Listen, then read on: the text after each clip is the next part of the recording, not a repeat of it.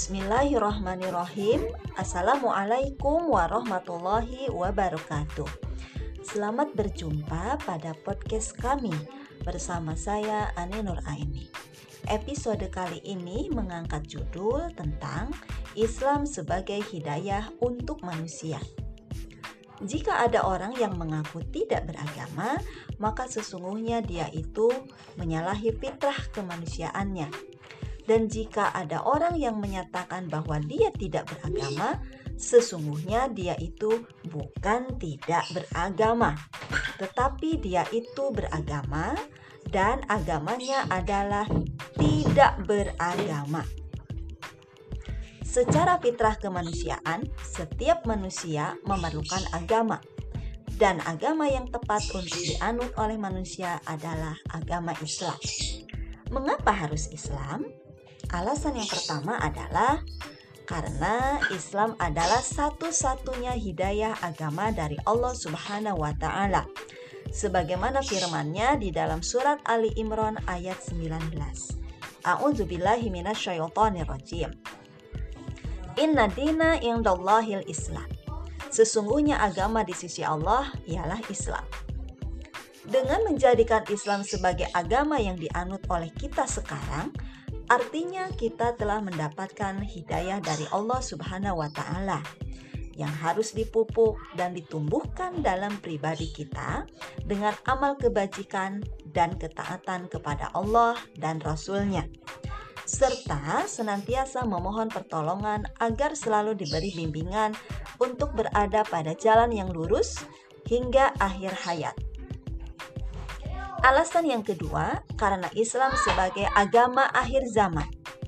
Islam adalah agama yang ajaran-ajarannya diwahyukan Tuhan kepada manusia melalui Nabi Muhammad Shallallahu Alaihi Wasallam sebagai rasulnya. Islam adalah agama yang sempurna yang menyempurnakan agama-agama sebelumnya.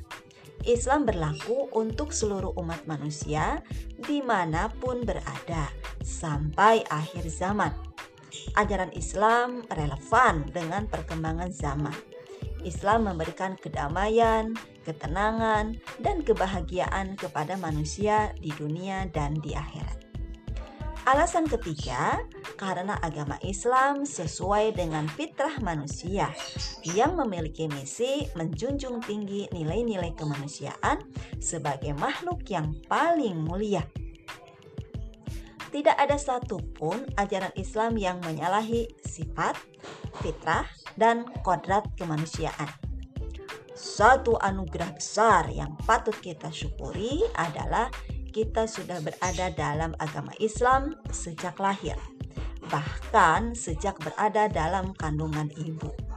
Pertahankanlah hidayah keislaman ini, jangan sampai hidayah ini lepas dari diri kita.